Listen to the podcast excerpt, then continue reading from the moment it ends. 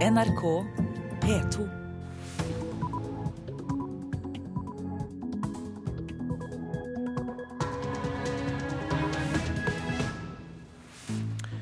Så er vi kommet fram til 1. oktober. Øystein Heggen ønsker deg velkommen til Nyhetsmorgen. Nå 6.30 er dette overskrifter. Budsjetthavari i USA. Nærmere én million offentlig ansatte får permitteringsvarsel. Frp og Høyre vil gi folk lavere skatter, men du må ta flere av valgene selv med en ny regjering. Et svik mot deres egne velgere, det sier Arbeiderpartipolitikere i nord etter at Høyre og Frp ofret Lofoten og Vesterålen.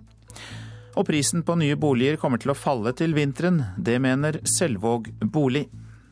Det er rett og slett fordi at eh, entreprenørene må prise seg lavere for å unngå oppsigelser og permitteringer. Kommunikasjonsdirektør Kristoffer Gregersen i Selvåg.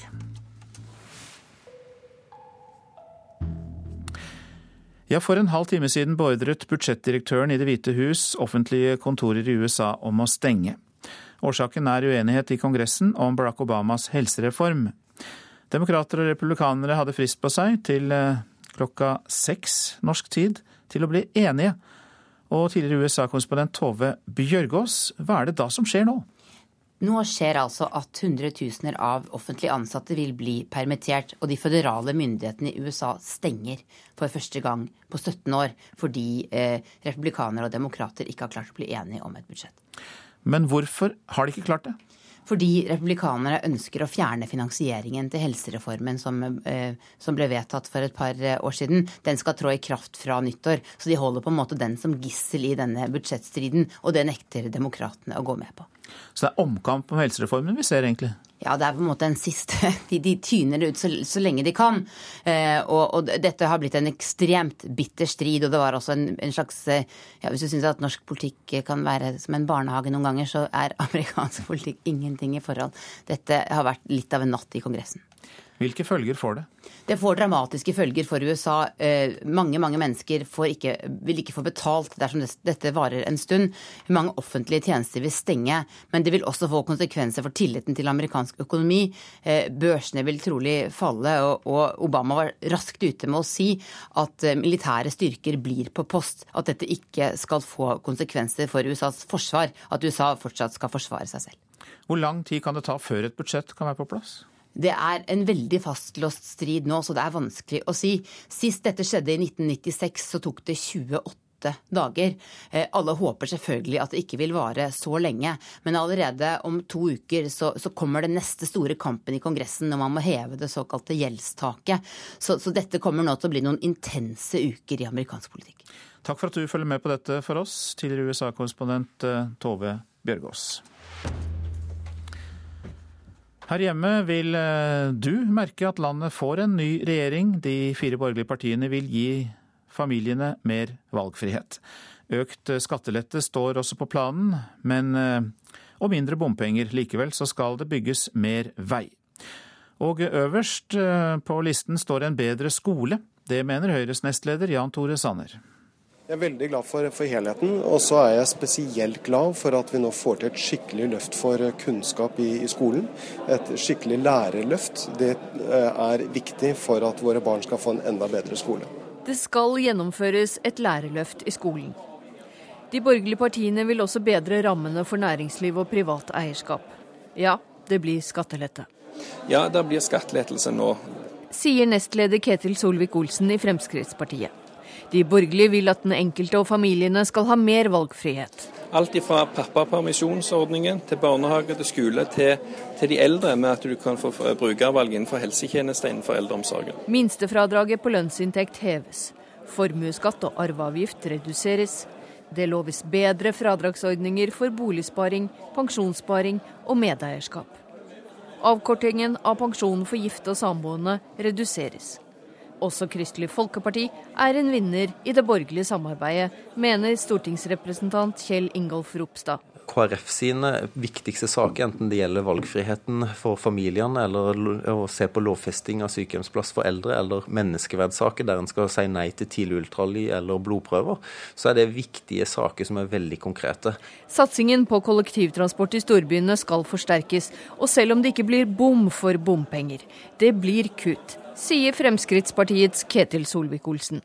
Plattformen sier at vi skal bygge mer vei og jernbane og kollektiv generelt, ut, langt utover det som NTP fra de rød-grønne la fram. Så vi, har vi òg fått ned et punkt om at bompengesatsene skal ned. Bompengeandelen vil gå ned. Og det var Hedvig Bjørgum som var reporter her. Et svik mot egne velgere, det sier Arbeiderpartipolitikere i nord etter at Høyre og Frp i går ofret Lofoten og Vesterålen. Og Fremskrittspartiets stortingspolitiker fra Nordland, Kenneth Svendsen, gikk til valg nettopp på oljeaktivitet i disse områdene. Nå må han innse at oljedrømmen, oljedrømmen brast også i denne omgang. Hva du sier Skal de verne Lofoten og Vesterålen? Er de galen? Nei, det skal vi ikke ha noe av. Dette var budskapet fra Fremskrittspartiets Kenneth Svendsen i en valgkampvideo fra august. En måned senere måtte han altså innse at hans eget parti ofrer ei konsekvensutredning for Lofoten og Vesterålen for regjeringsmakt. Nei, Det har ikke vært lett. Ikke lett i hele tatt. Det kommer jo akkurat til landsstyremøtet der vi har godkjent eh, avtalen. og Det var faktisk den saken som ble diskutert hyppigst på, på eh, partiets møte. Vi har nå stoppa konsekvensutredning for Lofoten, Vesterålen og Senja.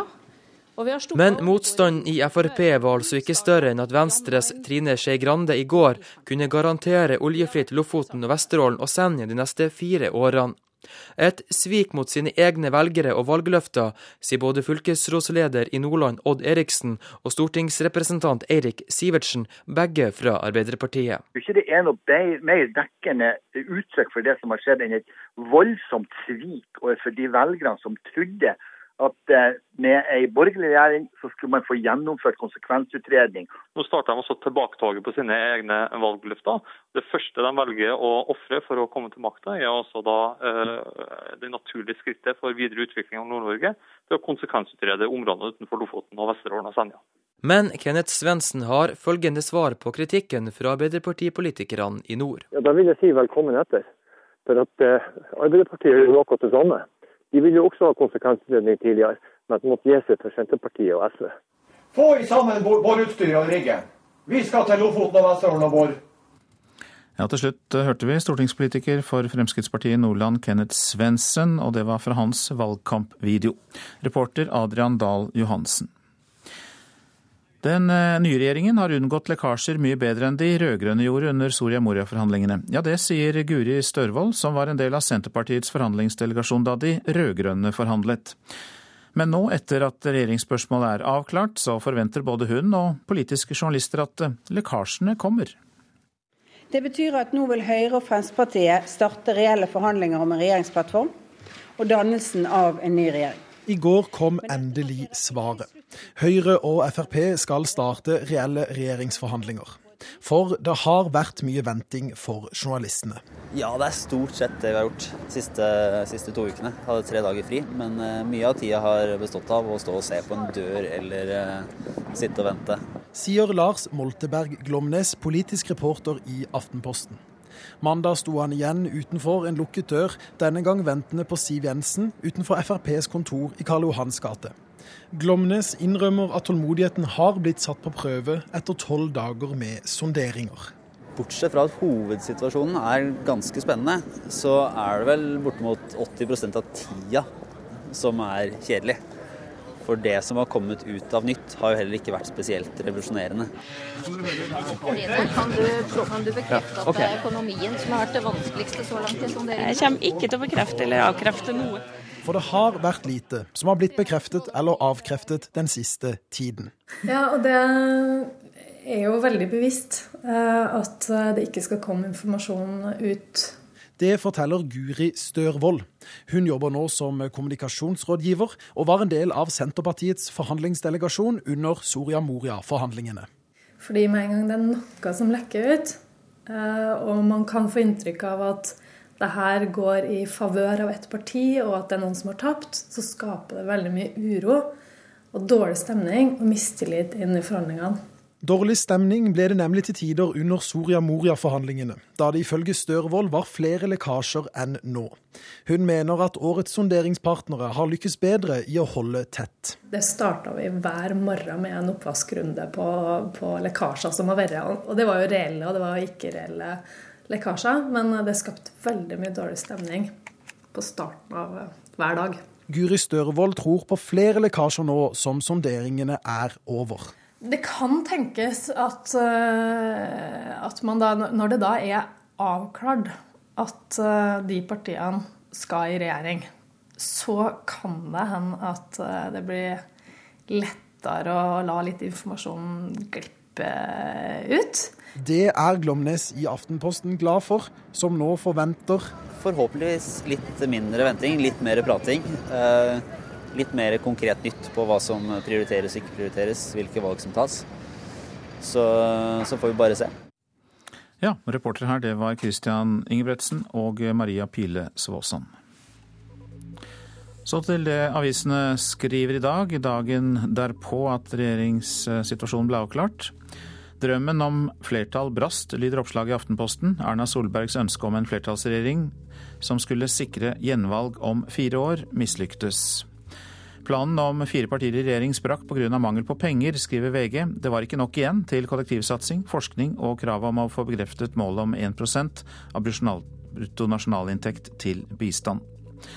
Drama i kulissene, det skriver Dagbladet. Den ideologiske avstanden til Frp og frykten for lite penger til kommune, landbruk og velferd er årsaker til at KrF og Venstre ikke gikk inn i regjering.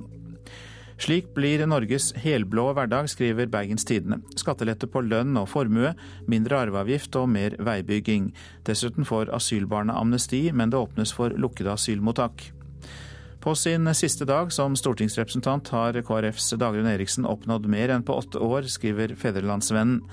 Nemlig mer kristendom i skolen, kutt i pappapermen, mer kontantstøtte og nei til tidlig ultralyd.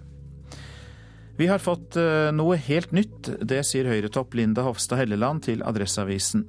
Aldri før har to partier som ikke er en del av regjeringen, blitt knyttet så nært til regjeringens arbeid, sier hun. Historisk høyrevridd regjering, skriver Dagsavisen. Avisas kommentator Arne Strand spår at regjeringen ikke holder ut stortingsperioden. Ideelle organisasjoner som Frelsesarmeen og Blå Kors frykter at Erna Solbergs regjering vil skvise dem, skriver Klassekampen. De er redde for et frislepp av kommersielle velferdsselskaper. Frp vil gi folk billigere svinekjøtt, skriver Nasjonen. I stedet for å dumpe norsk svinekjøtt i Ukraina, bør det slippes på det norske markedet, sier Frp-talsmann Torgeir Trældal. Color Line-milliardæren Olav Nils Sunde betalte 238 millioner kroner for en leilighet på Tjuvholmen i Oslo. Det skriver Dagens Næringsliv. En ufattelig dyr investering, det sier Sunde selv. Vi tåler for mye urett, skriver Vårt Land. Norske frontkjemperes nedslakting av russiske jøder har vi lukket øynene for i årtier. Det har påvirket vår evne til å ta et oppgjør med dagens vold og rasisme, sier filosof Espen Søby til avisa.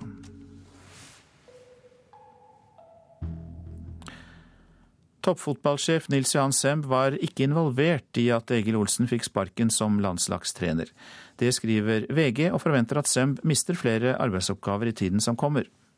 Tilbake fra en USA-ferie da mye ble snudd opp ned på Ullevål. Ja, det var litt utover ja. perioden hvor det skjedde. Ja. For ifølge VG var ikke toppfotballsjefen involvert i at Egil Olsen ble avsatt og Per-Mathias Høgmo innsatt med øyeblikkelig virkning torsdag kveld og Sams nære relasjon til herrelandslaget blir også redusert, da den nye sjefen nå skal rapportere direkte til styret i Fotballforbundet.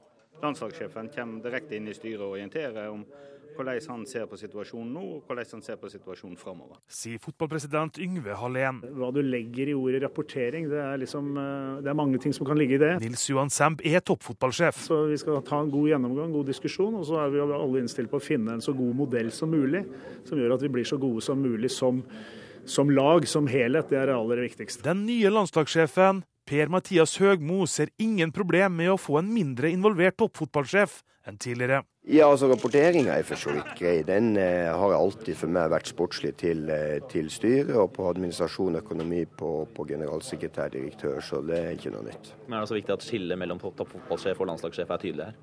Eh, som jeg sier, som, som landslagssjef eller som klubbtrener, så har jeg alltid rapportert direkte til styret, så det finner jeg naturlig. Reporter her, det var Tommy Barstein. Klokka den nærmer seg kvart på sju. Vi har disse hovedsakene i P2s Nyhetsmorgen. Budsjetthavari i USA. Nærmere én million offentlig ansatte har fått permitteringsvarsel.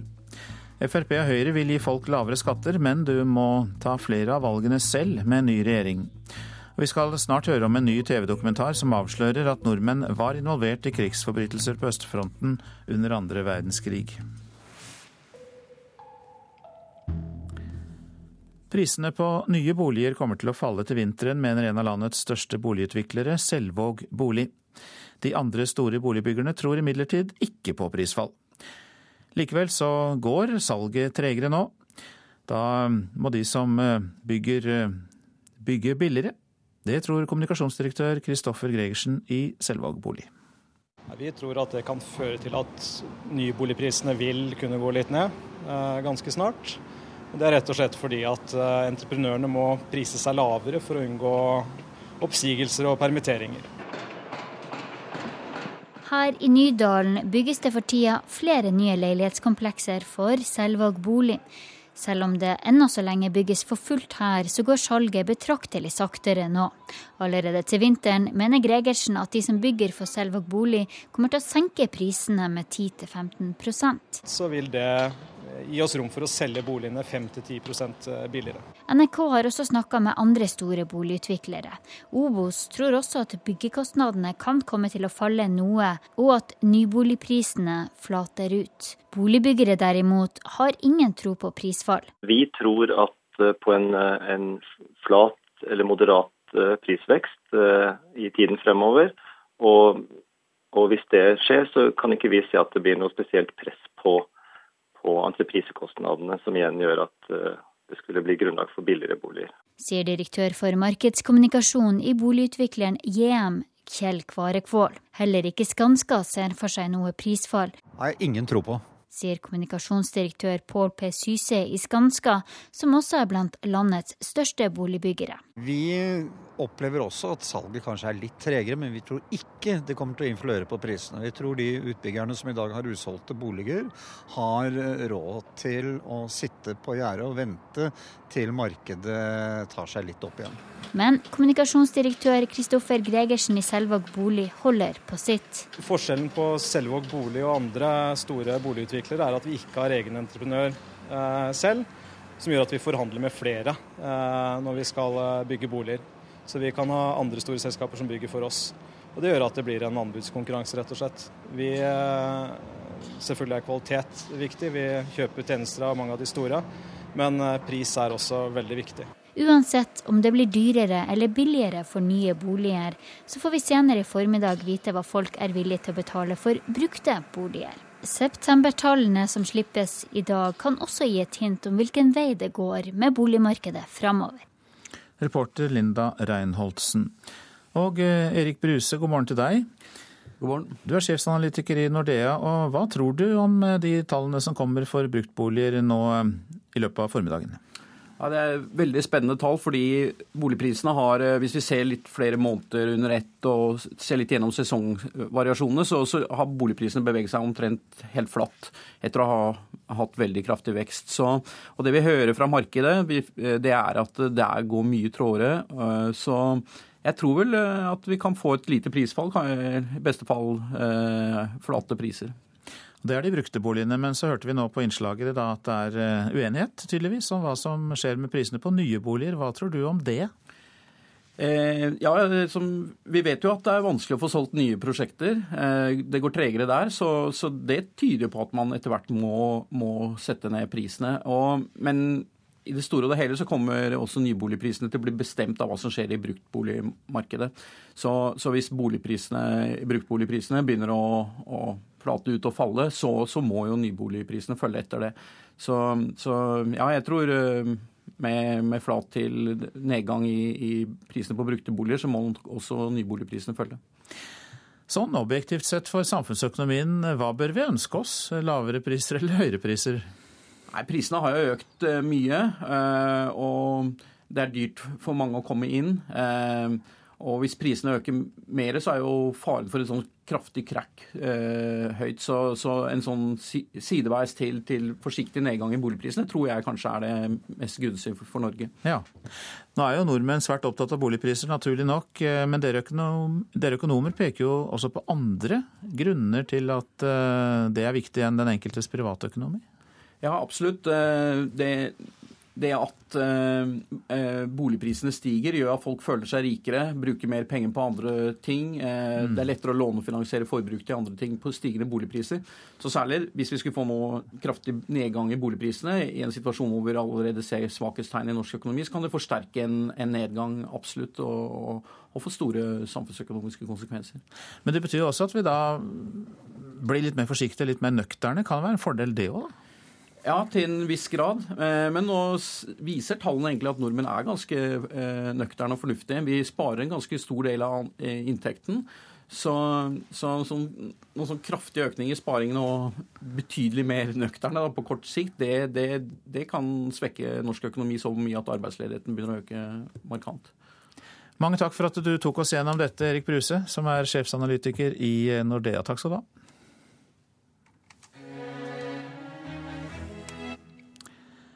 Ingen av eh, nordmennene som kjempet på tysk side under andre verdenskrig, har i ettertid innrømmet at de var med på drap på sivile. I en ny dokumentar som vises i NRK1 i kveld, så står for første gang en av dem fram og forteller at han både ble vitne til og var involvert i drap på sivile. 91 år gamle Olav Tuff var en av rundt 6000 nordmenn som vervet seg som soldat under krigen. Jeg reiste til Trondheim, da og være med meg der. Han var 18 år gammel da han vervet seg til tyskernes SS-styrker. Olav Tuff ble lovet et godt liv som belønning for krigsinnsatsen, med en framtid som gårdsherre i det okkuperte Russland. Det som var sagt, det var at du skulle få en gård i Russland. Men eh, det var natt at krigen var slutt. Men i stedet havnet han midt oppi en utryddelseskrig. Nazistenes SS-styrker slår løs på sivile i Ukraina 1941. Under Tysklands krig mot Sovjetunionen jaktet SS-soldater systematisk på jøder og kommunister. Norske Olav Tuff forteller at han gikk fra hus til hus.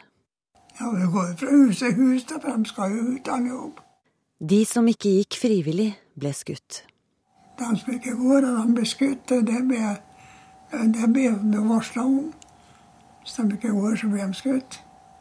Rundt 6000 nordmenn tjenestegjorde på tysk side under andre verdenskrig. Til nå har ingen av dem innrømmet at de var med på drap på sivile. Men i Brennpunkt i kveld forteller Olav Tuff for første gang om hva han egentlig var med på ved østfronten. Handlinger ingen nordmenn har innrømmet før nå. Barn og unger og kvinnfolk. Som hevn for mennenes motstandskamp tvang soldatene alle kvinnene og barna i en landsby inn i en kirke. Ikke vi hatt i kirka. Kvinner og barn og unger. 200-300. Så tente soldatene på kirka. Og hun ble brent. Mens kirka brant ned, sto Olav Tuff vakt utenfor. Hans oppgave var å passe på at ingen kom seg ut. Det var jo satt vakt for ikke, ikke folk som kom ut. Og du kan eh, se hele denne tankevekkende dokumentaren i Brennpunkt på NRK1 i kveld. Reporter var eh, Mari Algot Lie. Velkommen, Terje Embeland. Takk for det. Du er seniorforsker ved Holocaust-senteret. Hvor unik er den historien vi hører litt fra her, og som vi skal kunne se mer om i kveld? Den er unik fordi det er en eh, tilståelse fra en av de norske Waffen-SS-frivillige selv. De det har vært en slags konspirasjon av taushet eh, fra denne gruppen hele tiden etter krigen. Ingen har kommet frem og fortalt hva de var med på, selv om kildene har vært mange eh, de historiske kildene har vært mange til at også nordmenn på ulikt vis ble involvert i disse massakrene. Så som eh, forsker, historiker, så har du visst om dette uten at eh, du har hatt eh, noen tidsvitner?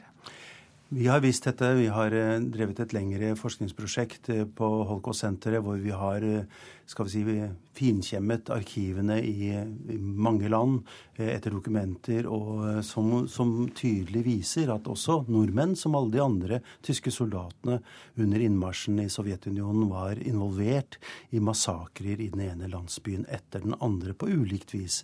Og de nordmennene som deltok her, var også da implisert i dette. Men eh, vi har aldri tidligere fått en av disse frontkjemperne til selv og fortelle om det han deltok i. I og med at det var eh, drap på sivile involvert her, så eh, var det jo mange forferdelige historier. Men hvorfor tror du likevel ikke at det har kommet fram før? Du snakker om nærmest en konspirasjon dem imellom. Ja, Det er en kompleks eh, sak. Det er klart at ikke alle de norske frivillige var involvert, men de kjente til at dette foregikk. De var vitner til det, og noen var direkte implisert. Men det er jo slik også med gjerningsmennene blir også traumatisert av slike opplevelser. Eh, mange av dem har fortrengt det. Eh, og så har det jo også vært en eh, veldig eh, tett sammensveiset gruppe etter krigen, hvor det selvfølgelig har vært et tabu å bryte tausheten og fortelle sannheten om dette. Så, så det har vært en kombinasjon av fortielse og fortrengning, kan vi si. Hvilke følger bør det få for oss som lever i dag? Ja, for det første så bør vi eh, se nærmere på og få et annet perspektiv på at det norske okkupasjonsregimet med Quisling var involvert i holocaust. Eh, ikke bare eh, gjennom deportasjonen av de norske jødene, men at altså gjennom samarbeidet med den tyske okkupasjonsmakten, gjennom samarbeidet med SS, så var også norske nazister i Quislings parti dypt involvert i holocaust på europeisk plan. Eh, dette trekker på en måte den norske okkupasjonshistorien nærmere det store tilintetgjørelsesinferno som foregikk i nazistisk regi over hele Europa. Og setter det Quisling-regimet i et enda grellere lys, syns du? Utvilsomt, fordi dette var jo kjent for eh, NS-ledelsen at dette foregikk. Vi har flere dokumenter som viser at også Quisling var informert, og han var jo også selv på reise ved Østfoldfronten, hvor disse tingene selvfølgelig var kjent. Sånn at uh, man kan Altså NS-ledelsen er også da dypt involvert i dette. Vi har til og med en, justis, en politiminister under krigen, Jonas Lie, som selv deltok aktivt i massakrene på østfronten. Hvilken eh, betydning får det for dere som skriver historien? Det betyr at um, vi kan konsentrere oss om de store og interessante spørsmålene. Det har vært en veldig opphetet debatt tidligere om hvorvidt nordmenn var involvert i dette, hvilket for oss historikere virker egentlig litt besynderlig. Hvorfor skulle ikke nordmenn i like stor grad som alle andre soldater på tysk side være involvert? Nå kan vi legge dette på mange litt, eh, måter litt bak oss og diskutere hvorfor var SS så interessert i å rekruttere denne håndfullen av norske frivillige? Hva Hvilken rolle spilte Himmlers organisasjon i norsk okkupasjonshistorie osv.? De store og viktige spørsmålene som til, til, nå på en måte har vært underfokusert, kan vi nå konsentrere oss om eh, i større grad enn å diskutere detaljene om dette, fordi dette er nå en, en eh, kjent sak. Mange takk for at du kom til Nyhetsmorgen, Terje Embeland, som er seniorforsker ved Holocaust-senteret. Takk skal du ha. Så til værvarselet. Fjellet i Sør-Norge. Delvis skyet oppholdsvær, perioder med pent vær. Østlandet og Telemark delvis skyet opphold, etter hvert stort sett pent. Først på dagen kan det bli lokal tåke. Agder perioder med liten kuling vest for Oksøy, stort sett opphold. Rogaland på kysten i sør opp i stiv kuling, ellers pent vær. Hordaland der er det pent vær, kort og godt. Sogn og Fjordane fra i ettermiddag sørvest liten kuling på kysten i nord, ellers pent. Møre og Romsdal opphold og til dels pent vær. Trøndelag stort sett oppholdsvær. I indre Sør-Trøndelag kan det bli perioder med sol også. Nordland sørvestlig liten kuling utsatte steder. Fra i ettermiddag stiv kuling i nord, perioder med regn. Troms sørlig, seinere sørvestlig stiv kuling. Sterk kuling på kysten i nord og regn. Finnmark sørlig opp i stiv kuling utsatte steder. I kveld sørvestlig sterk kuling på kysten i vest. Stort sett opphold i Finnmark. I ettermiddag og kveld kan det bli regn. Nordensjøland på Spitsbergen sørlig liten kuling, perioder med regn. Fra i ettermiddag vestlig liten kuling, enkelte sludd- og snøbyger kan det også bli. Temperaturer målt klokka fem. Svalbard to. Kirkenes fire. Vardø fem. Alta to. Tromsø, Langnes og Bodø begge åtte. Brønnøysund 10 grader. Trondheim-Værnes 3 grader. Molde og Bergen-Flesland 5.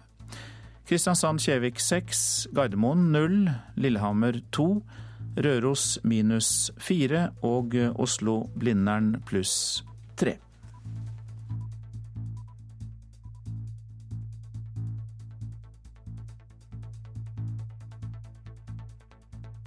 NRK P2.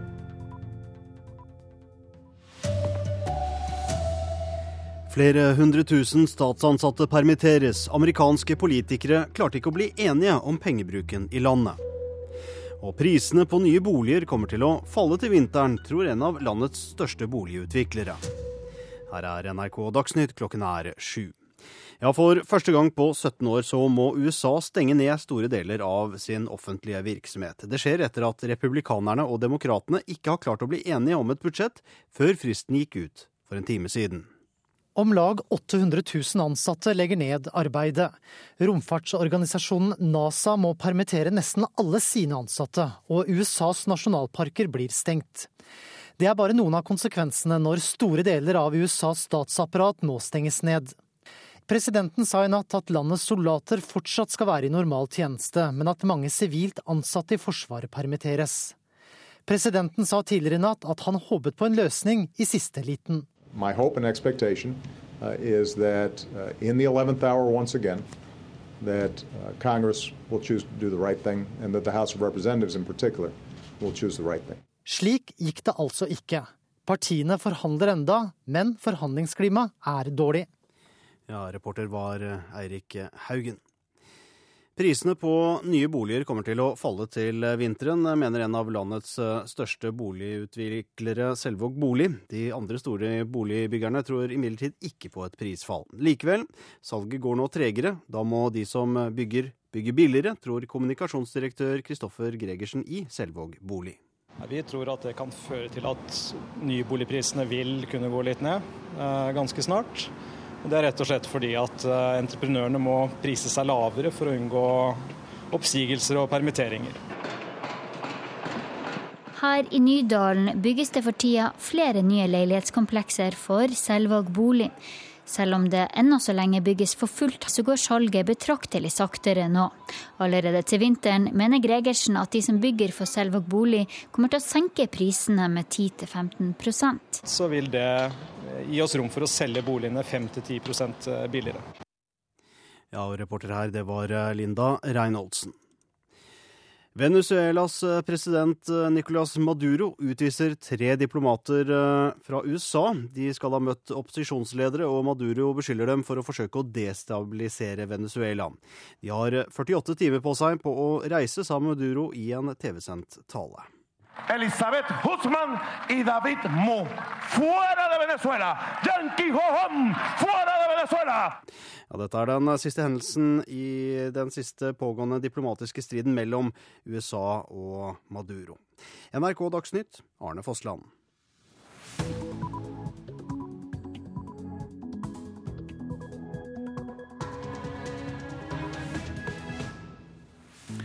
Og Petos Nyhetsmorgen fortsetter. Amnesti eller ikke for asylbarna. Her i Nyhetsmorgen mer om ulike tolkninger av avtalen mellom sentrumspartiene og den nye regjeringen.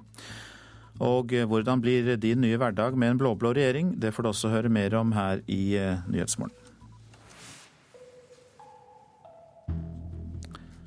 Kristelig Folkeparti og Venstre feiret i natt at de hadde fått gjennomslag for en løsning for asylbarna som har vært lenge i Norge. KrF-leder Knut Arild Hareide mener de har fått på plass et amnesti. Allerede nå starter kampen om virkeligheten, for det er ikke et amnesti, sier Frp. Da signerer avtalene mellom partiene. Hver sin penn, hvert sitt navnetrekk. Allerede nå ikke helt samstemte om hva de skrev under på. Kristelig Folkeparti-leder Knut Arild Hareide feiret asylseier. Det er både en amnestiløsning, men det er òg en, en løsning som Eh, i regelverket, som òg vil sikre de som kommer til Norge inn i framtida. Det er ikke et amnesti, ifølge Frp-leder Siv Jensen. Så mener jeg vi har funnet en god løsning, som ikke er et generelt amnesti til alle uten unntak. Det er eh, kriterier som stilles for at man skal kunne få lov til å bli. Kriteriene handler om at familiene må ha samarbeidet med norske myndigheter om å bevise sin egen identitet, og at løsningene kun omfatter familier fra land med returavtaler. Jeg tror ikke det er snakk om veldig mange barnefamilier. Eh, det er iallfall atskillig færre enn det som tidligere var snakk om. Pål Lønseth er statssekretær i Justisdepartementet fra Ap. Han tror få vil forbli. Og det er jo nettopp det som er kjerneproblemet med disse lengeværende barnefamiliene det er manglende ID-avklaring, manglende framlegging av identitetspapirer, eh, til dels ID-juks. Derfor er Lundseth skeptisk til sentrumspartienes gjennomslag. Venstre og KrF skaper skapes det ganske stor falløyde når de feirer eh, dette amnestiet, fordi det er åpenbart veldig mange som inngår i dette som ikke vil omfattes av nettopp amnestiet, ut ifra den ordlyden som nå ligger her. Reportere her, det var Lars Nehru Sand og Ellen Wiseth.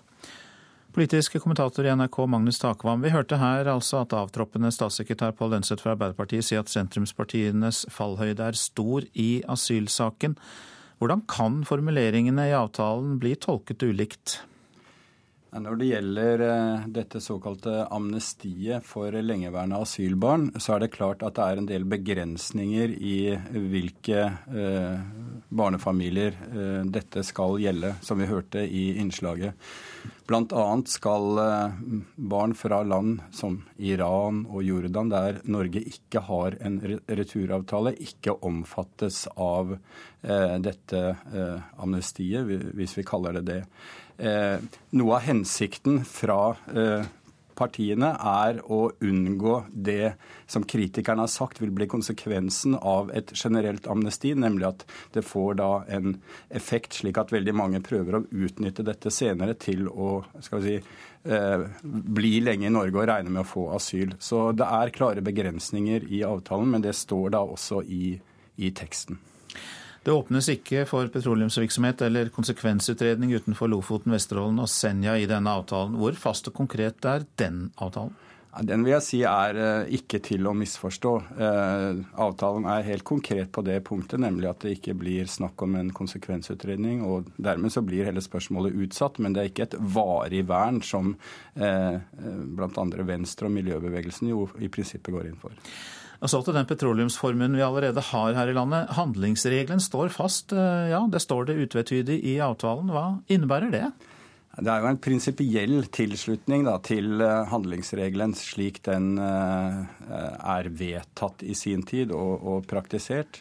Men alle vet at det er i den beinharde kampen om prioritering i de årlige budsjettene man vil vi si, vise om man i praksis følger det som er er intensjonen i handlingsregelen. Og Det er også et punkt her om å utrede den eh, videre, med tanke på f.eks. å skille mellom dette som Frp har vært mye opptatt av, mellom utgifter til drift og investeringer osv. Så, videre. så temaet handlingsregelen vil nok dukke opp i, i debatten framover, helt, helt åpenbart. Ja, for vi må vel tro at eh, Fremskrittspartiet ønsker å hente noen eh, flere penger ut eh, til sine formål? Ja, Det som nå blir spennende, kanskje mer spennende enn de fleste så for seg i går kveld da denne avtalen ble kjent, er jo vil jeg tro, ganske harde forhandlinger mellom Høyre og Frp om et regjeringsgrunnlag mellom de to partiene. For det er en masse punkter om, satsing, om satsingsområder uten beløp her, som åpenbart må, må prioriteres hardt for å, for å si, være forutsigbare. Sånn at her, det, her vil det være kamp om hver krone. Vi skal høre på en rapport til om det som har skjedd. KrF og Venstre ble for redde for å bli spist av de store borgerlige partiene i regjeringshverdagen. Derfor endret sonderingene karakter torsdag i forrige uke, da partiorganisasjonene hadde blitt hørt. KrFs parlamentariske leder Hans Olav Syvertsen mener at eh, regjeringshverdagen ville blitt eh, for tøff for småpartiene. Det kommer man ikke fra, at eh, kjøttvekta teller. De turte ikke samarbeide med de to store blå partiene i det daglige. Derfor står Kristelig Folkepartis Hans Olav Syversen og Venstre på utsiden av regjering. Vi har et parti som er fem ganger større enn oss, og et som er tre ganger større enn oss. Onsdag forankret sondørene i sine partier. Etter det skiftet sonderingene karakter. Fra å snakke om en felles regjering til en bindende avtale. Det kom mot slutten. Så onsdag var en viktig dag, for da fikk vi en løypemelding fra våre organer, og da var det det som var i fokus. Ja. Det var etter det det snudde? Det er korrekt. Venstres Ola Elvestuen sier den politiske avstanden ble for stor for firepartistrømmen til Høyre. Det viste seg å være et for stort eh, steg, men nå har vi en, en enighet og en avtale der eh, de borgerlige partiene har en eh, posisjon hvor man tar ansvar for det flertallet som vi er tildelt, og sånn at vi kan gjennomføre politikk framover. Reporter Lars Nehru Sand. Ja, Venstres Ola Elvestuen sa her at de borgerlige partiene tar ansvar for det flertallet de er tildelt. Og kommentator Magnus Takvam, hvordan tror du KrF og Venstre vil håndtere det ansvaret? Jeg, jeg tror helt åpenbart at uh, i den første perioden, de første, det første året, de første par årene, så, så, er KrF og Venstre forpliktet av denne skal vi si, lojalitetserklæringen. Jeg tror ikke de vil opptre på en måte som skal vi si, truer uh, denne mindretallsregjeringen som etter alt å dømme kommer. Men det er klart at Eh, skulle økonomiske eh, utsikter endre seg, og det blir hard kamp om prioriteringer og dra budsjetter osv. I, i ulike retninger, så er det alltid krevende for en mindretallsregjering å, å styre. Særlig eh, hvis den da er på fløyen i, i, i Stortinget. Nå var det jo uh, ulikheter uh, mellom disse partiene som uh, det ble funnet kompromisser på i denne avtalen. Men hvilke saker tror du ble avgjørende for at det likevel ikke ble fire partier i regjering? Det er mange ting. Jeg tror eh, for Kristelig Folkeparti f.eks. så var hensynet til eget parti eh, avgjørende. Dersom KrF hadde valgt å gå inn i regjering med Høyre, Frp og Venstre, så risikerte man å få et splittet eh, Kristelig Folkeparti, fordi det er så stor prinsipiell motstand i store deler av partiet mot den typen samarbeid. Det som ville ha vært et veldig vanskelig dilemma for KrF, var dersom partiet Venstre eh, vurderte å gå inn i regjering, fordi de tross alt på en del punkter ligger nærmere Høyre og Frp, den økonomiske politikken osv. Så videre. sånn at hvis det hadde skjedd, så kunne KrF blitt tvunget til også å gå inn i regjering, men da risikert eh, skal vi si, turbulens innad. Til slutt så tror jeg det faktum at det har kommet overraskende innrømmelser i denne plattformen til sentrumspartiene, er et resultat av at Høyre i løpet av denne prosessen eh, prøvde å få de to sentrumspartiene inn i regjering og ga de gode tilbud. Men så eh, endte det da med at de likevel ikke gikk inn, og da ble det vanskelig for Høyre å trekke tilbake dette med Lofoten og dette med asylbarn osv. Så, videre. så det gikk nok ikke helt etter Høyres plan. Så der fanget bordet? Det gjorde det. Og sånn er jo politikken. Det er eh, uforutsigbare ting ofte som, som skjer i en sånn prosess. Vi tar med oss en kommentar eh, til. For du vil merke at landet får ny regjering. De fire borgerlige partiene vil gi familiene mer valgfrihet. Det blir mer skattelette, minstefradrag på lønnsinntekt heves, formuesskatt og arveavgift reduseres og det loves økte fradrag for egen boligsparing, pensjonssparing og eierskap. Ja, det sier FrPs Ketil Solvik-Olsen. Ja, det blir skattelettelse nå. Det vil bli større valgfrihet. Alt fra pappapermisjonsordningen til barnehage til skole til, til, de eldre, med at du kan få brukervalg innenfor helsetjenester innenfor eldreomsorgen. Plattformen sier at vi skal bygge mer vei og jernbane og kollektiv generelt, ut, langt utover det som NTP fra de rød-grønne la fram. Så vi, har vi òg fått ned punkt om at bompengesatsene skal ned. Bompengeandelen vil gå ned. Ketil Solvik-Olsen fra Frp der. Og Magnus Takvam, ja, la oss eh, se litt på de blå-blås hverdag. Da regjeringen vil de klare å hente støtte i Stortinget for alle disse endringene og disse skattelettelsene? Det vil vise seg. Det er eh, mange punkter som jeg har vært inne på som er eh, retningspunkter. F.eks. går man jo inn for et lærerløft uten å eh, angi hvor mye og hvor mye penger. Eh, man vil satse mer på samferdsel og vei enn det som ligger i Nasjonal transportplan. Man vil øke bemanningen i politiet. Man vil gi skattelette og lister opp eh, arveavgift, formuesskatt, eh, boligsparing osv. uten å angi beløp her også. Det samme er det med mange andre forslag som koster penger, både innen eldreomsorg, sykehus osv. Slik at Veldig mye gjenstår eh, i forhandlingene som jeg har vært inne på, mellom Høyre og Frp, hvordan man prioriterer eh, innenfor denne, denne, økonomiske rammen. Ja, det skal vi huske på, for nå er vi ferdig med første ledd i dette, nemlig sonderingene. Der vi har da fått en avskaling av disse to sentrumspartiene. Men så fortsetter da dette arbeidet videre mellom Høyre og Fremskrittspartiet. Hvordan vil det arte seg, tror du? Nei, Det er jeg veldig spent på. Det er klart at uh, Frp har måttet renonsere på mange av sine primærstandpunkter. Og, og Siv Jensen, men Siv Jensen eh, sa jo da også i går at land, hennes landsstyre var enstemmig omkring, omkring, dette. Men det er liten tvil om at du vil kunne finne eh, skal vi si, misnøye i deler av Fremskrittspartiet både om punktet om eh, bompenger, om asyl- og innvandringspolitikk osv. Der eh, mange miljøer nok mener at de ikke har fått nok eh, gjennomslag. Så jeg tror den videre prosessen mellom Høyre og Frp må vi følge veldig nøye eh, med på, hvordan de eh, forhandlingene går. Eh, det har vært krevende til nå. Jeg tror ikke det blir så veldig mye mindre krevende de, de neste dagene. Mange takk skal du ha, vår kommentator Magnus Takvam. Dette er Petos Nyhetsmorgen, og klokka den nærmer seg sju 16, ser det ut til. Dette er hovedsaker i dag. Budsjetthavari i USA. Nærmere én million offentlig ansatte kan bli permittert. Mer om det ganske straks. KrF-leder Knut Arild Hareide mener de har fått på plass et amnesti for asylbarna. Det er ikke amnesti, sier Frp. Og vi skal også høre at eh, nye regler kan få slutt på overfylte og stinkende søppelkasser. Fristen for eh, amerikanske politikere den eh, de har eh, gitt seg selv for å finne en løsning på den fastlåste konflikten for budsjettet i USA, er altså gått ut for litt siden. Og eh, landet har begynt å stanse deler av offentlig virksomhet. Fortsatt står lyset på i Kongressen. Senatorer og representanter prøver i hvert sitt kammer å bli enige, men det er fortsatt fastlåst. For første gang på 17 år er det gitt ordre om å stenge flere myndighetskontorer her i USA, fordi politikerne ikke greide å bli enige om et statsbudsjett innen fristen klokka seks norsk tid. Presidenten har flere ganger det siste døgnet langet ut mot republikanerne. Barack Obama mener de setter landets økonomi på spill bare for å møte krav fra Tea Party-aktivistene på partiets ytterste høyrefløy. Aktivister som har lovet velgerne at de vil forsøke å stanse Obamas omstridte helsereform.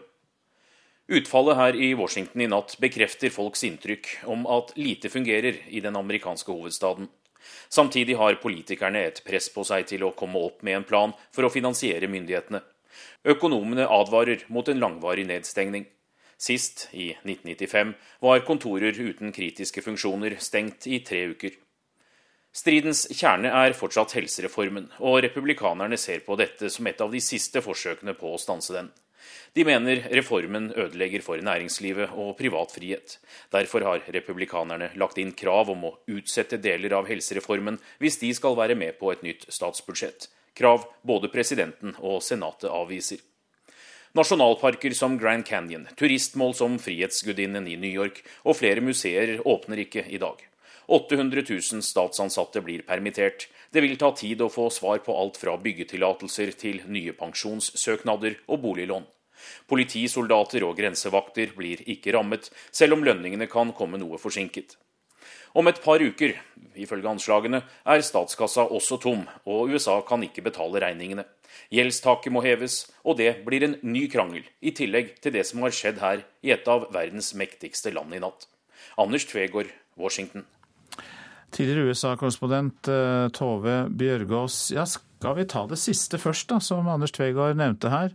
Ikke nok med at eh, det nå sendes ut permitteringer til offentlige ansatte pga. at budsjettet ikke er i havn. Det kommer også ja, et nytt eh, stoppested som kanskje er minst like ille om to uker.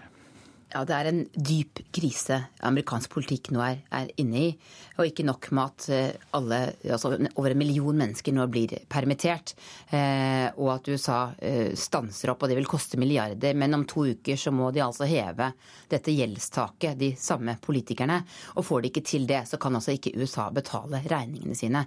Og da kommer børsene til å stupe, og ingen tør å tenke på hva eh, som skal skje. Så man er nødt til å finne en løsning på denne konflikten i løpet av eh, kort tid. Og dette gjeldstaket det betyr altså at man skal få et vedtak eh, for å kunne tillate økt innlån? Ja, for å kunne tillate at, at staten kan, kan lage obligasjoner, slik at de kan betale alle de pengene de skylder i utlandet. Ja, altså USA kan trykke mer penger, nærmest. Ja. Men dypest sett så virker det jo som om dette er en omkamp fra republikanernes side når det gjelder helsereformen. De har sagt de skal gjøre alt de kan for å fjerne finansieringen til den reformen, som de mener er et brudd med amerikanske verdier, og mener er noe amerikanerne ikke vil ha. Eh, og, derfor så, prøver de seg nå på denne siste omkampen, noe demokratene altså nekter å gå med på. For denne reformen den er jo vedtatt, men den skal altså trø i kraft fra 1.1 eh, neste år. Eh, så de har på en måte tatt den som gissel, kan du si. Hvilke virkninger får det som skjer nå for amerikanere generelt?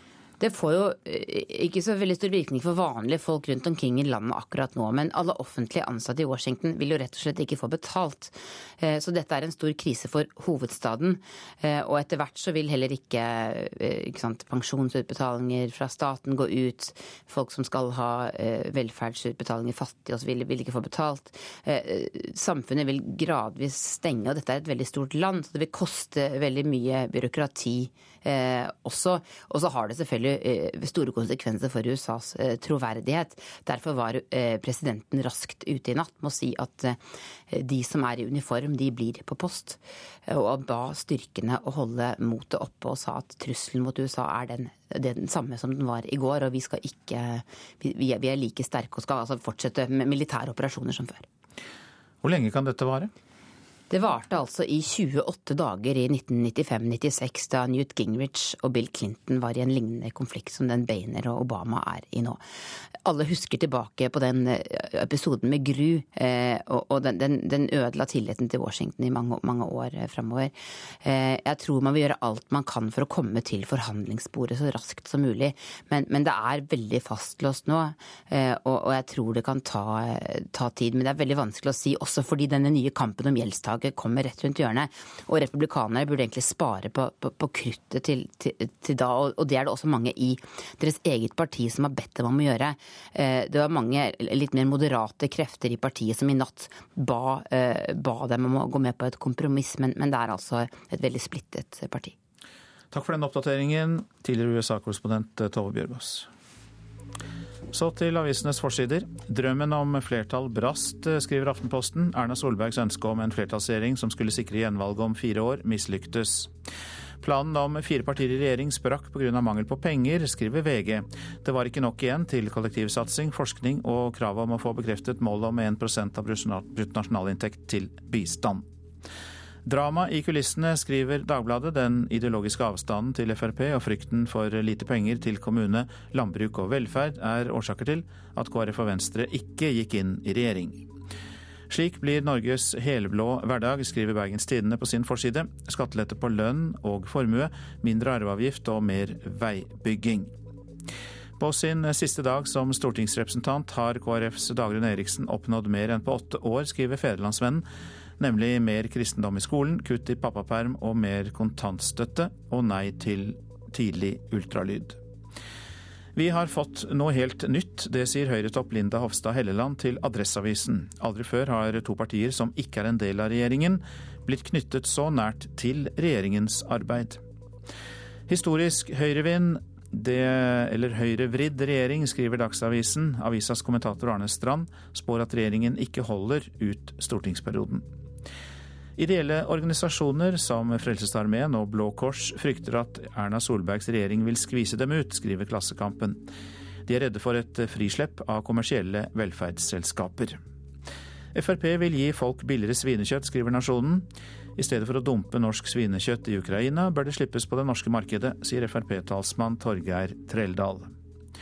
Color Line-milliardæren Olav Nils Sunde betaler 236 millioner kroner for en leilighet på Tjuvholmen i Oslo, skriver Dagens Næringsliv. En ufattelig dyr investering, sier Sunde selv.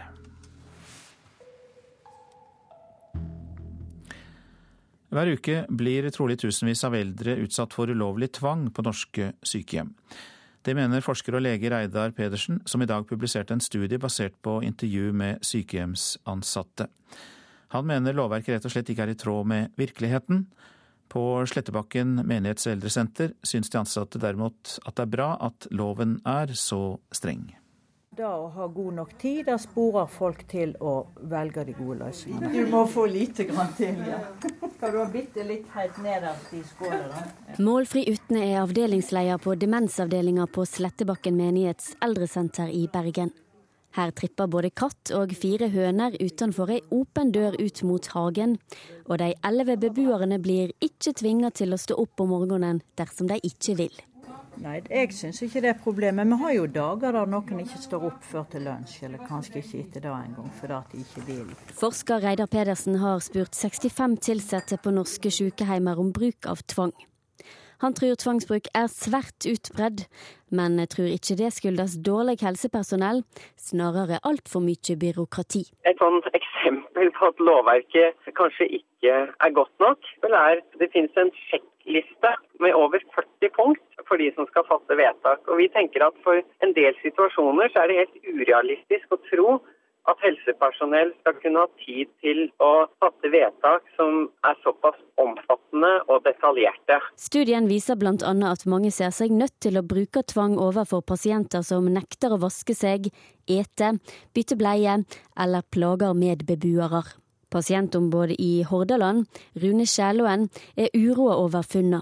Men i motsetning til Pedersen tror han ikke løsninga er å endre lova. Det å iverksette tvangstiltak aldri skal være eh, en lettvint eh, løsning. På Slettebakken tror Målfri Utne det er bra at lova er streng, fordi det tvinger de som jobber med eldre til å prøve ut alt annet før de fatter tvangsvedtak. Jeg mener Det sier seg jo nesten sjøl at lager du fabrikk, så får du fabrikk. sant?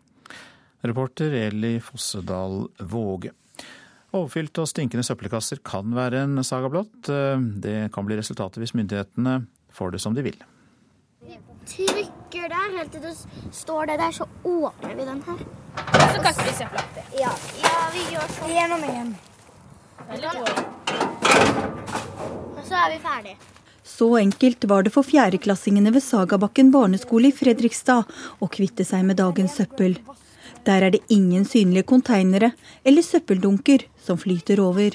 Det er på en måte kjeller under, så kommer noen og plukker det opp. Og... Ikke plukker opp akkurat, henter det. Ja. Henter det, så kaster det i fylla. For skolen er et av flere bygg her i landet som gjemmer søppel under bakken. Men altfor få kommuner har gode avfallsløsninger til å møte fremtidens søppelberg. Det mener både regjeringen og kommunens interesseorganisasjon KS. Sånn er en nivå 41 den andre er 35 og den siste er 32. som er det er, det er, ikke så lenge siden den har vært tømt. Fra kontoret sitt følger renovasjonssjef Knut Gedde i Fredrikstad med på de 47 underjordiske anleggene i byen via datamaskinen. Han innrømmer det går trått, til tross for at kommunen har satset på dette i fire år. Etablerte borettslag som har en løsning i dag, har ikke vært lett å få til å investere i sånne anlegg. Men eh, det jobber vi med, og vi håper kanskje at vi kan løse det på sikt. Billigere gebyrer på oss, estetikk, luktfritt og brannsikkert er argumenter for å få søppel i bakken. Men det er en investering i 100 000-kronersklassen, og det er vanskelig for kommunene å kreve slike løsninger av private. Søppel har ikke høy prioritet i nye prosjekter, mener Gedde. Vi eh, jo ofte, blir ofte glemt eller blir ikke hørt godt nok i en del prosjekter. Altså at vi får ikke de løsningene vi, vi ønsker oss bestandig. Nå vil Miljøverndepartementet utrede nærmere hvordan avfallsinfrastruktur kan reguleres i plan- og bygningsloven. Det er gode virkemidler, mener ordfører i Fredrikstad, Jon Ivar Nygaard. Ja, jeg, jeg tror uh, her kan det være én aktuell måte å angripe det på, er jo at kommunen kan stille større krav gjennom reguleringsplaner. At man i større grad vil ha den type løsninger.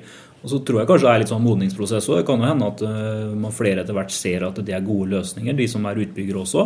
Uh, og hvis det etter hvert kan dokumenteres at dette gir lavere renovasjonsavgifter og mer effektiv drift, så skulle det ikke forundre meg om også det skaper et visst press etter hvert på at det kan komme inn som løsninger i nye boligprosjekter. Og ved Sagabakken skole vil de ikke gå tilbake til gamle løsninger. Det kommer til å lukte, og så kommer det til å bli fullt. Og så blir, blir, tar alle fuglene det, og så blir det spredd over, utover hele. Ja, og så kommer ikke noen av oss til å komme hit fordi ikke vi liker en sånn skole. Anette Torjussen var reporter her. Du lytter til eh, Nyhetsmorgen. Produsent er Kari Bekken Larsen i dag. Her i studio Øystein Heggen. Og vi minner om at det etter Dagsnytt blir et utvidet politisk kvarter, som altså da begynner når klokka er eh, ti over halv åtte.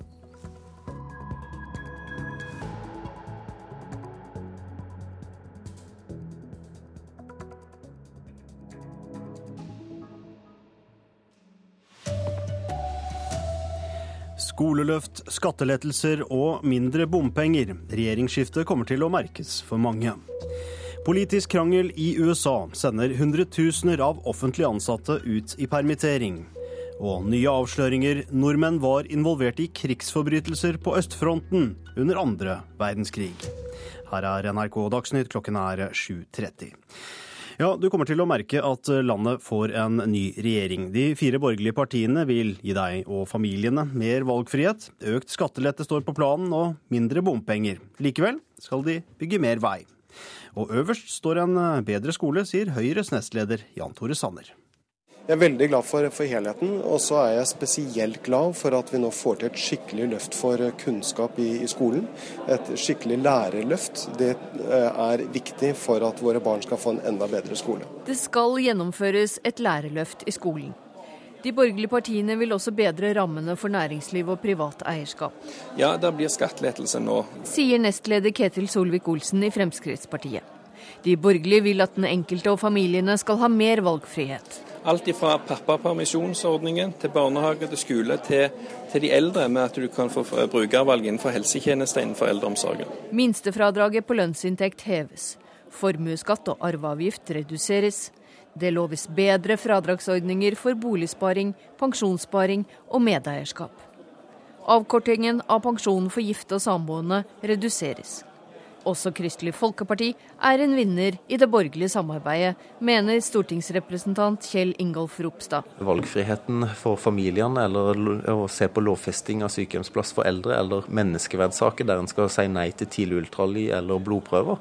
Viktige saker som er veldig konkrete. Satsingen på kollektivtransport i storbyene skal forsterkes, og selv om det ikke blir bom for bompenger, det blir kutt sier Fremskrittspartiets Ketil Solvik-Olsen. Så vi, har vi òg fått ned punkt om at bompengesatsene skal ned. Bompengeandelen vil gå ned. Ja, reporter her eh, var eh, Hedvig eh, Bjørgum, Høyre-leder og påtroppende statsminister Erna Solberg. Mye virker å være klart, men hvilke saker blir viktige for Høyre når dere nå skal forhandle videre med Fremskrittspartiet? Da skal vi forhandle mer konkret på flere områder. Men det er klart, vi har hatt en eh, 14 dagers sonderingsperiode hvor vi har vært igjennom veldig mange av de politiske områdene som kunne vært vanskelig, også mellom Fremskrittspartiet og Høyre i disse forhandlingene, og sammen med sentrumspartiene. Det gjør at vi har en god oversikt over, eh, over hva vi står foran, men vi skal altså ned i detalj. Vi skal prioritere, vi skal vise mer. Som jeg sa i går veldig tydelig, dette er jo ikke en regjeringsplattform, dette er en avtale mellom fire partier. Regjeringsplattformen vil nevne mange temaer som ikke er her. Eh, også temaer som egentlig de fire partiene har funnet forståelser om, og som vi regner med kan gå greit gjennom i Stortinget.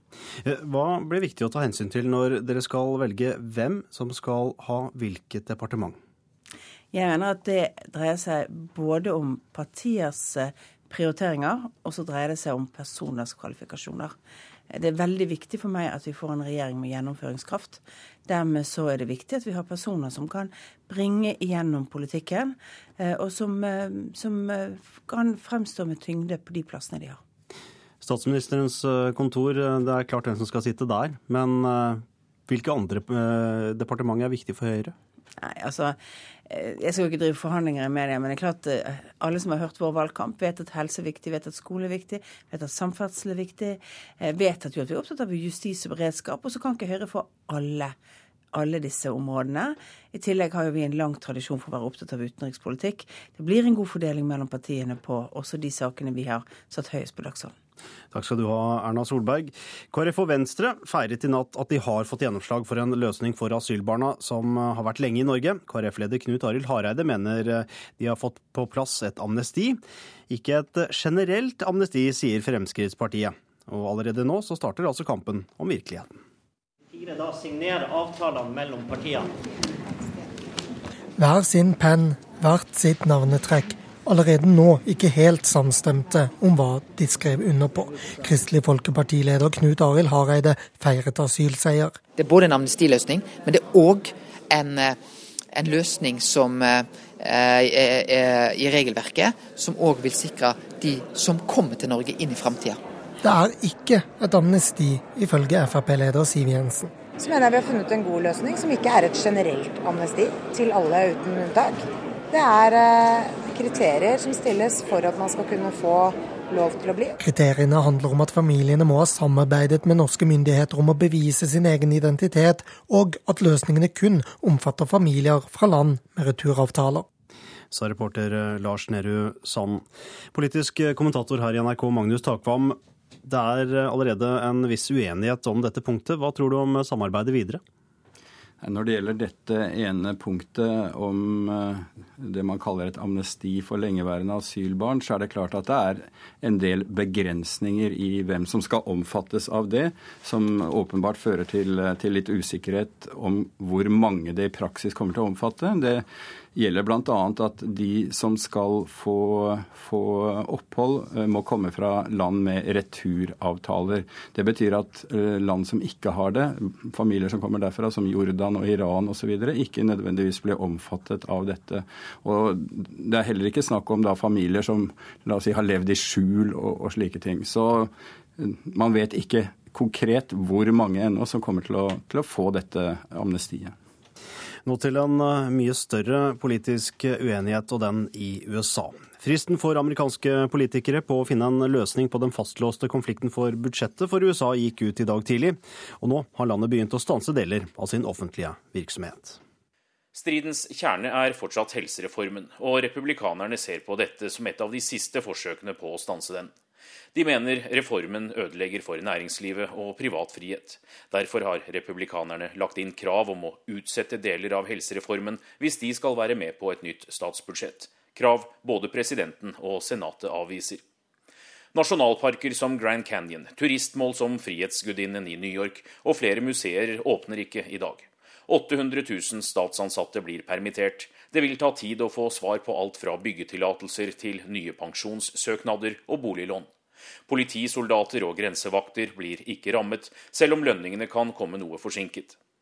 Om et par uker, ifølge anslagene, er statskassa også tom, og USA kan ikke betale regningene. Gjeldstaket må heves, og det blir en ny krangel, i tillegg til det som har skjedd her i et av verdens mektigste land i natt.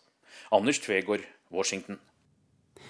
Store mengder opplysninger om vanlige menneskers internettbruk lagres i opptil ett år av USA. Enorme mengder såkalte metadata havner i databasen til etterretningsorganisasjonen NSA, skriver avisen The Guardian, som viser til hemmelige dokumenter lekket av den amerikanske varsleren Edward Snowden.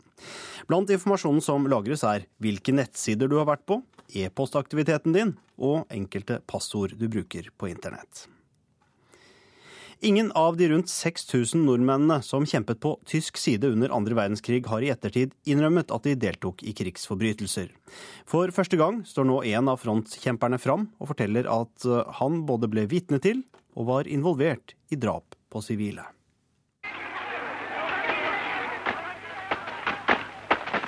Nazistenes SS-styrker slår løs på sivile i Ukraina 1941.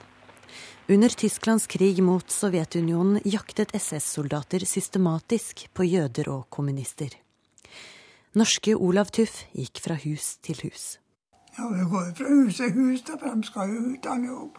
De som ikke forlot husene frivillig, ble skutt. Det ble det varsla om. Rundt 6000 nordmenn tjenestegjorde på tysk side under andre verdenskrig. Til nå har ingen av dem innrømmet at de var med på drap på sivile, forteller seniorforsker ved Holocaust-senteret Terje Embeland. Det har vært en sammensvergelse av taushet blant de norske frivillige i Waffen-SS. Man har utviklet en felles fortelling, en felles unnskyldning for hva man har deltatt i, og man har vært taus om svært mye. Men i Brennpunkt i kveld forteller Olav Tuff for første gang om hva han egentlig var med på ved østfronten. Som hevn for mennenes motstandskamp tvang soldatene alle kvinnene og barna i en landsby inn i en kirke. Kvinner og barn og unger. 200-300. Så tente soldatene på kirka. Og hun ble brent. Mens kirka brant ned, sto Olav Tuff vakt utenfor. Hans oppgave var å passe på at ingen kom seg ut. Det var jo satt vakt, for det var ikke, ikke folk som kom ut. Det blir mer om dette i en ny dokumentar som blir vist i Brennpunkt på NRK1 i kveld. Reporter var Mari Algot Lie. Ansvarlig for denne sendingen var Sven Gullvåg, teknisk ansvarlig Hanne Lunås. Jeg heter Arne Fossland.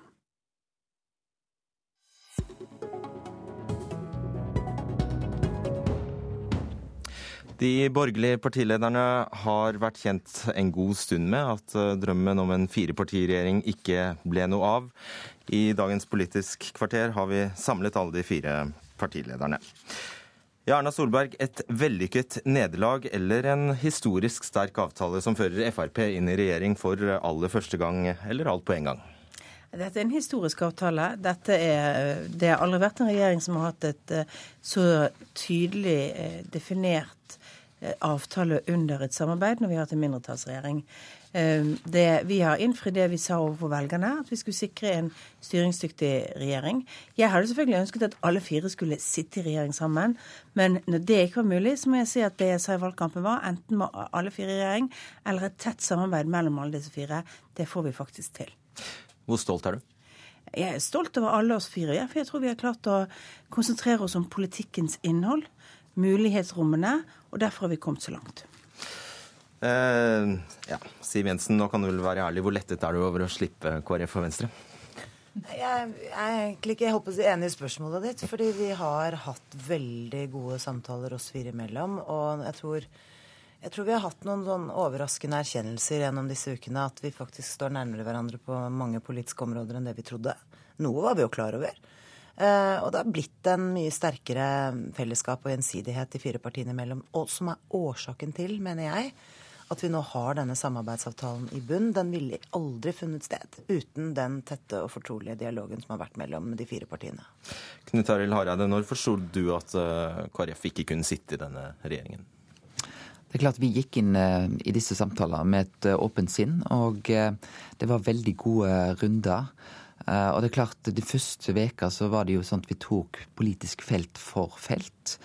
Og det var nok først mot slutten av forrige uke, når vi så helheten, at det begynte å monne fram en konklusjon. Men jeg har lyst til å si det som Siv Jensen sier her. Jeg har opplevd hele veien, både fra Frp og Høyre, at det var et genuint ønske fra de å ha med Venstre og KrF inn i denne regjeringen her.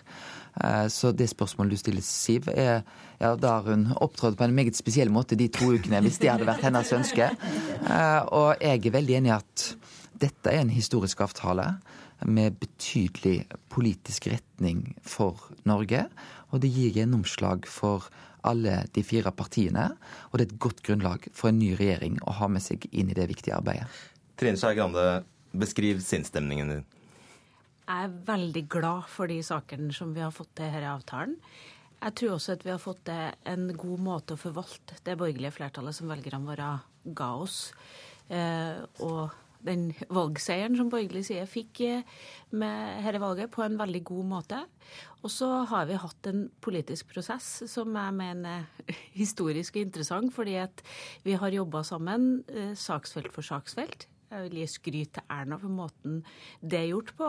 Og jeg tror jo at eh, mens eh, vi mange ganger har sett at regjeringa har gått sammen etter en forhandlingsrunde som har økt mistilliten mellom dem, så er det sånn at vi lager en historisk avtale som er basert på en mye sterkere tillit til hverandre. Men det har krangla litt? Ja, det skal vi jo inn vi, har, vi, er jo folk med temperament og vi er folk med engasjement. og Vi hadde egentlig ikke gjort jobben vår hvis det ikke av og til kunne gå i kule varmt. Det som har vært litt fascinerende, og det tror jeg Jeg tror kanskje aldri vi har hatt noen sånne regjeringsforhandlinger med tre damer og en mann. Jeg tror det har laga en sånn egen dynamikk. Og så er det, er det, litt sånn at ingen av oss har blitt sint samtidig. Nei. vi har blitt sint én og én, og da er det mye lettere å håndtere når, når vi faktisk skal jobbe sammen. Vi blir sint, men jeg har lyst til å si det er ei som har beholdt roen hele veien. Og det er Erna Solberg. Hun har imponert meg. Jeg har visst det fra før. Vi kommer til å få en suverent dyktig statsminister. Erna Solberg, er det noen tvil om at eh, nå når eh, Venstre og KrF blir stående utenfor, at eh, landet får en blåere politikk? Det er klart at landet får en blåere politikk. Det er mye en regjering kan gjøre som ikke er avhengig av hva som skjer i Stortinget direkte.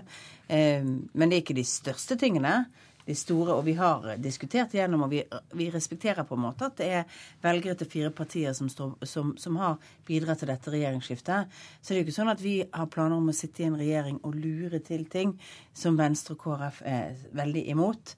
Men, men det er klart, i mange små ting så styrer en regjering på en måte som, som, gjør at de ikke trenger å gå til Stortinget, og som gjør at, eh, at, det vil sette preg på med de partiene. Men de store prosjektene er de viktigste, og retningen er viktigst. Og det er klart det er viktig for oss å beholde tilliten eh, som vi har mellom disse fire partiene. For det er den tilliten som er grunnlaget for, for regjeringens fremtid. Jeg har sittet i en mindretallsregjering som ikke hadde det grunnlaget før. Vi måtte alltid sitte og vurdere sitter vi neste måned. Eh, klarer vi oss til jul? Kan vi få gjort disse tingene raskest? Altså Nå har vi etter min mening litt bedre planleggingshorisont. Og så er vi fornøyd med sakene vi har fått igjennom. Høyre har fått igjennom mange viktige saker for oss. Eh, noen saker eh, sto vi ikke helt alene om, men nesten alene om. Andre var det et bredt flertall bak blant disse partiene. Men det er klart at vi ser de sakene som har vært viktige for oss, som et lærerløft. Det å få til mer konkurransedyktighet gjennom å redusere en del av skattenivået i Norge, det er å sørge for at vi skal eh, få til et, helse, eh, et skift i helsepolitikken. Til sakene, Siv Jensen. Hva skjer med bompengene? Ja, det vi har blitt enige om så langt, er jo at vi skal etablere et nytt veiselskap. Som skal ha som formål å bygge veier raskere og smartere enn vi har gjort tradisjonelt i Norge i dag. Og det skal skje gjennom en annen tilførsel av kapital enn vi er kjent med i dag. Fra oljefondet? Eh, ja, det må det jo nødvendigvis bli. Eh, men eh, den løpende driften skal selvfølgelig også tilføres midler over statsbudsjettet. Men vi er også blitt enige om at det skal bety en lavere bompengeandel på nye prosjekter. Og det er jo Fremskrittspartiet godt fornøyd med. Detaljene for hvordan dette utformes, det må vi jo få anledning til å komme tilbake til. Det er også en lang rekke forhold som ikke er ferdigforhandlet mellom Høyre og Fremskrittspartiet heller. Men vi kommer til å ta med oss den forståelsen, omforente forståelsen som vi har alle de fire partiene imellom i forhold til dette. Det er viktig. Men vi var veldig godt fornøyde i går. Vi fikk et solid fotavtrykk for Fremskrittspartiet sin del i eh, den fremforhandlede avtalen. Vi erkjente åpent at noe av det vi har gitt fra oss, det smerter. Eh, ikke minst så smerter det våre lag oppe i Nord-Norge som hadde forventninger om en åpning av Lofoten og Vesterålen, eller i hvert fall en konsekvensutredning av Lofoten og Vesterålen i denne perioden. Det har vi vært åpne på at vi har tapt. Og jeg mener at vi står oss som politikere på å være ærlige også.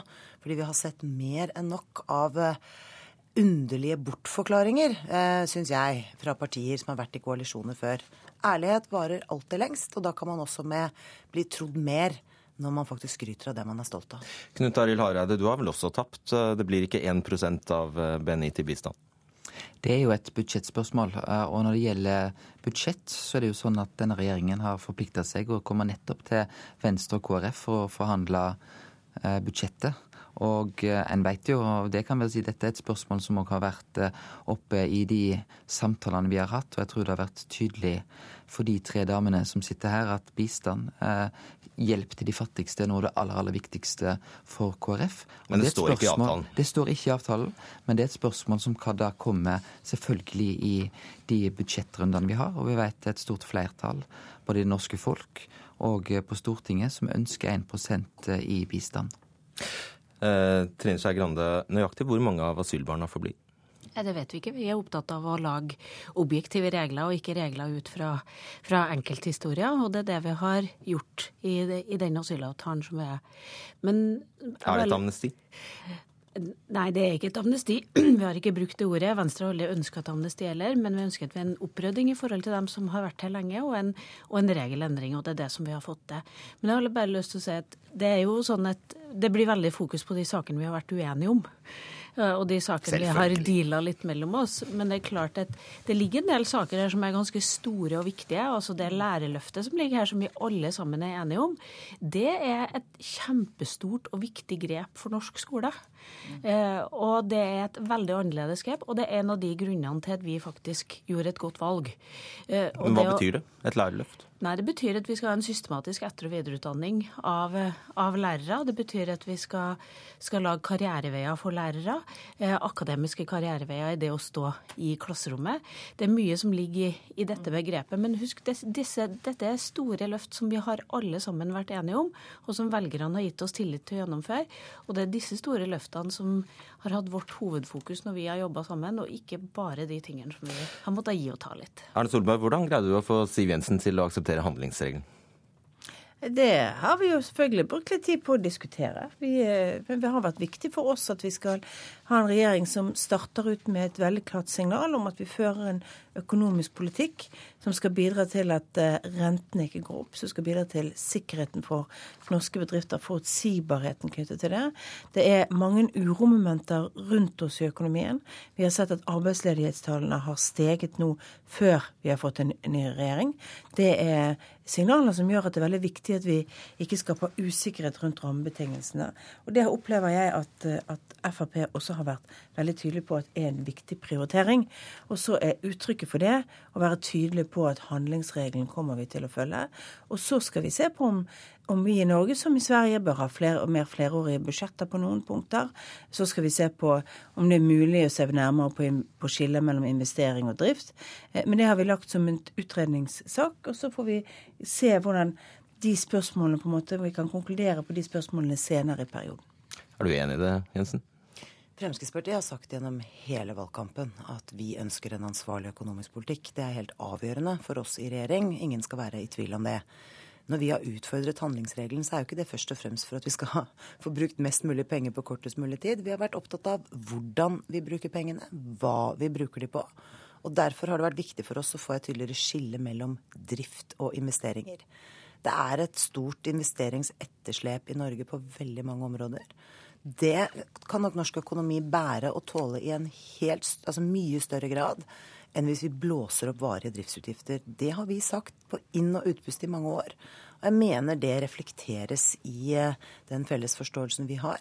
Nemlig at det skal være en ansvarlig økonomisk politikk med en handlingsregel i bunn. Men vi har fått eh, en anledning til å se på mulighetene for flerårig budsjett.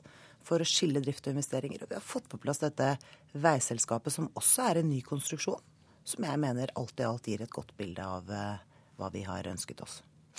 Uh, Hareide, til VG sier du at skattekuttene til Høyre og Frp gjorde at det ikke var nok penger igjen til å løfte fram uh, viktige KrF-saker som koster penger. Hvilke da?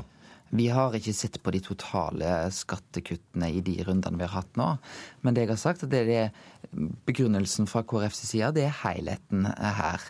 Og da er det ikke noen enkeltsak som har vært Eh, avgjørende. Det er på en måte da mange saker som har lagt en, en helhet. Men erfaringen bl.a. fra Bondevik II-regjeringen var at det ble relativt sett for store skattekutt opp mot de satsingene som vi ønsker. Og når det blir på den måten, så er regjeringen regjering nødt til å foreta betydelige kutt. Og det å foreta kutt på velferdsområdet er krevende og vanskelig. Å ta kutt, det må enhver regjering være villig til å gjøre. Og noe av det som bl.a. er krevende for de fire partiene her, er at vi er hver for oss villig til å ta betydelige kutt som er både krevende og vanskelig, men vi har litt forskjellig hvilke områder vi prioriterer når vi gjør det. Det er en helhet som jeg tror vi fire her har vært ærlige om at vi har ulike prioriteringer på de områdene der. Og hvis du ser på våre alternative budsjett, så er de preget av at alle partier er villige til å ta kutt, men på forskjellige og ulike områder. Ja, Du har måttet tåle et kutt i fedrekvoten? Ja, det er jo sånn at vi har nå fått en fedrekvote på ti uker. Eh, og nå skal ikke jeg skryte for mye, men ti uker det er det forslaget som står i KrFs program. Så akkurat på dette området har KrF fått vår ideale løsning. Vi har fått mer valgfrihet for familiene, større fleksibilitet. Men vi har beholdt fedrekvoten på ti uker, og det er altså vårt forslag i programmet. Og det er egentlig et eksempel på en del av de sakene vi har kommet fram til. Ofte så er det sånn at vi har eh, lett mellom partiprogrammene er litt forskjellige mellom alle fire. Ofte så havner vi ned på ett av partienes program som den løsningen vi har landa på. Og i den saken er det KrFs program vi har landa på. Erna Solberg, er dette hele avtalen? Det er jo en del ganske uforpliktende formuleringer i avtalen. Nei, men eh, dette, dette er hele avtalen som vi har mellom oss. Men det er klart, etter 14 dager med sonderinger, så har vi mange klare forståelser som ligger under dette, om, om hva en del ting betyr. Eh, og en del områder hvor vi vet, som vi ikke har skrevet inn her, som vi vet på en måte hvor muligheten for å finne kompromisset når vi skal gå til, til Stortinget, vil, vil ligge. Eh, så, så, det viktigste syns jeg med avtalen, bortsett fra enkeltsakene som hvert parti har vært opptatt av, og helheten som den økonomiske styringen og verdigrunnlaget vårt, så er det jo faktisk at intensjonen om samarbeid og intensjonen om å finne de gode løsningene i fellesskap ligger som et grunnlag for en ny regjering. Det finnes et eh, punkt 5K i avtalen. Ja. Og det, ja, da, og det sa jeg bare for når folk på en måte sier at, det var, altså, liksom at vi var blitt uenige eller annet, så er det jo ikke det. Det er bare at vi er kanskje i ulik, på ulikt ståsted i forhold til om vi ser muligheten for å kunne stå i regjering sammen. Ja, Dette punktet dreier seg altså om at KrF og Venstre kan komme inn. Det er hjertelig ja, velkommen. Det er åpen for at vi kan gjøre endringer hvis de skulle ønske en annen, annen tilknytning, en annen tettere deltakelse inn i regjeringen. Mm. Trine Skei Grande, punkt 24 i uh, denne avtalen om utlendingsfeltet dreier seg om at kvoteflyktninger med størst uh, sjanse for vellykket integrering skal prioriteres. Betyr det at uh, mødre som er voldtatt i Afrika, de skal vi ikke kunne, kunne ta inn? Nei, det handler ikke om det. Det handler om at eh, når vi skal ta vår bør med kvoteflyktninger, som jeg syns er viktig å slå fast i en, i en, sånn type avtale, så skal vi, når, når, vi først må plukke i en leir, skal vi også plukke i forhold til dem som har muligheten for også å få til god integrering i Norge. Sånn gjør de aller fleste europeiske land. Eh, det, det, er ikke av en egoistisk tanke for Norge, men vi skal vår, ta vår skjerv internasjonalt. Og da bør man, man, kanskje også hjelpe dem som kanskje har en størst mulighet for å, for å lykkes i Norge. Og Var dette da, punktet ditt forslag? Nei, det var ikke vårt forslag, men for oss i Venstre var det viktig å faktisk se at vi skulle ta imot kvoteflyktninger. Eh, og så er det klart at den asylavtalen, det er en, en kan vi innrømme, en brytningen mellom Venstre og, og, og KrF på ene sida og Frp på andre sida, men at vi faktisk har fått til det. Og at vi har fått til det som eh, SV ikke har fått det i regjering med Arbeiderpartiet i åtte år, fikk vi til sammen med Frp. Da er det sånn at Frp har sitt stempel på sine ting, og så har vi vårt stempel på våre ting. Og jeg er kjempeglad for at vi nå får en løsning på asylbarna som ikke bare handler om dem som Arbeiderpartiet ikke har ordna opp i, men også en, en regelendring for framtida.